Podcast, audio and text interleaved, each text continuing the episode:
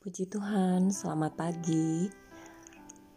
Sangat bersuka cita dan berbunga-bunga hati saya sejak uh, di mana saya menyiapkan renungan untuk hari Minggu kemarin ya. Uh, jadi hari ini hari Senin dan kemarin uh, saya berkhotbah tentang satu tema tidak rugi mencintai Tuhan ya kalau kita ditanya lebih indah mana? Dicintai apa mencintai? Pasti lebih indah dicintai.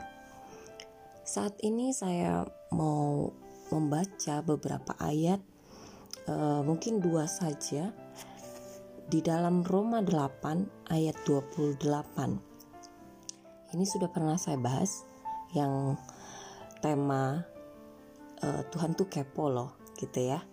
Nah, saat ini saya mau bahas uh, di sisi lain dari ayat ini ya. Roma 8 ayat 28. Kita tahu sekarang bahwa Allah turut bekerja dalam segala sesuatu untuk mendatangkan kebaikan bagi mereka yang mengasihi Dia, yaitu bagi mereka yang terpanggil sesuai dengan rencana Allah. Sekali lagi saya bacakan kita tahu sekarang bahwa Allah turut bekerja dalam segala sesuatu untuk mendatangkan kebaikan bagi mereka yang mengasihi Dia, yaitu bagi mereka yang terpanggil sesuai dengan rencana Allah.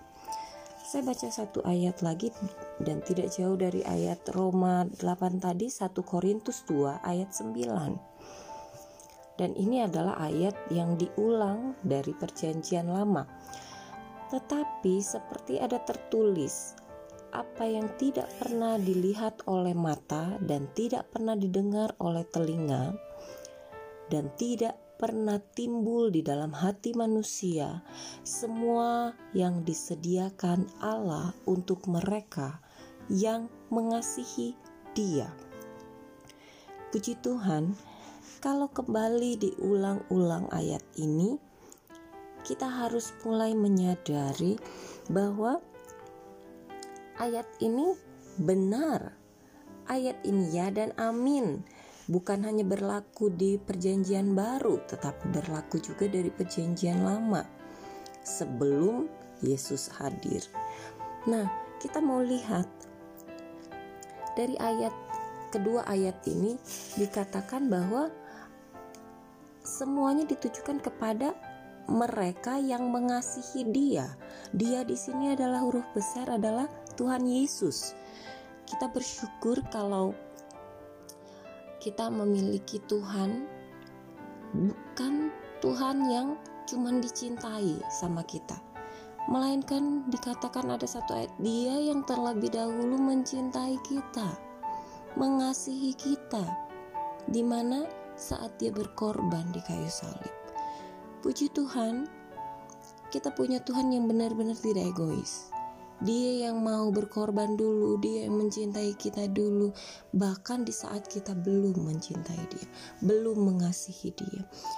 Dan dia katakan apa yang tidak pernah dilihat mata, yang tidak pernah didengar oleh telinga, yang tidak pernah timbul di dalam hati manusia, semua yang disediakan dia adalah Allah yang menyediakan. Yehova Zire, Allah yang mencukupi. Ya, kita bersyukur kita nggak akan rugi mencintai Tuhan.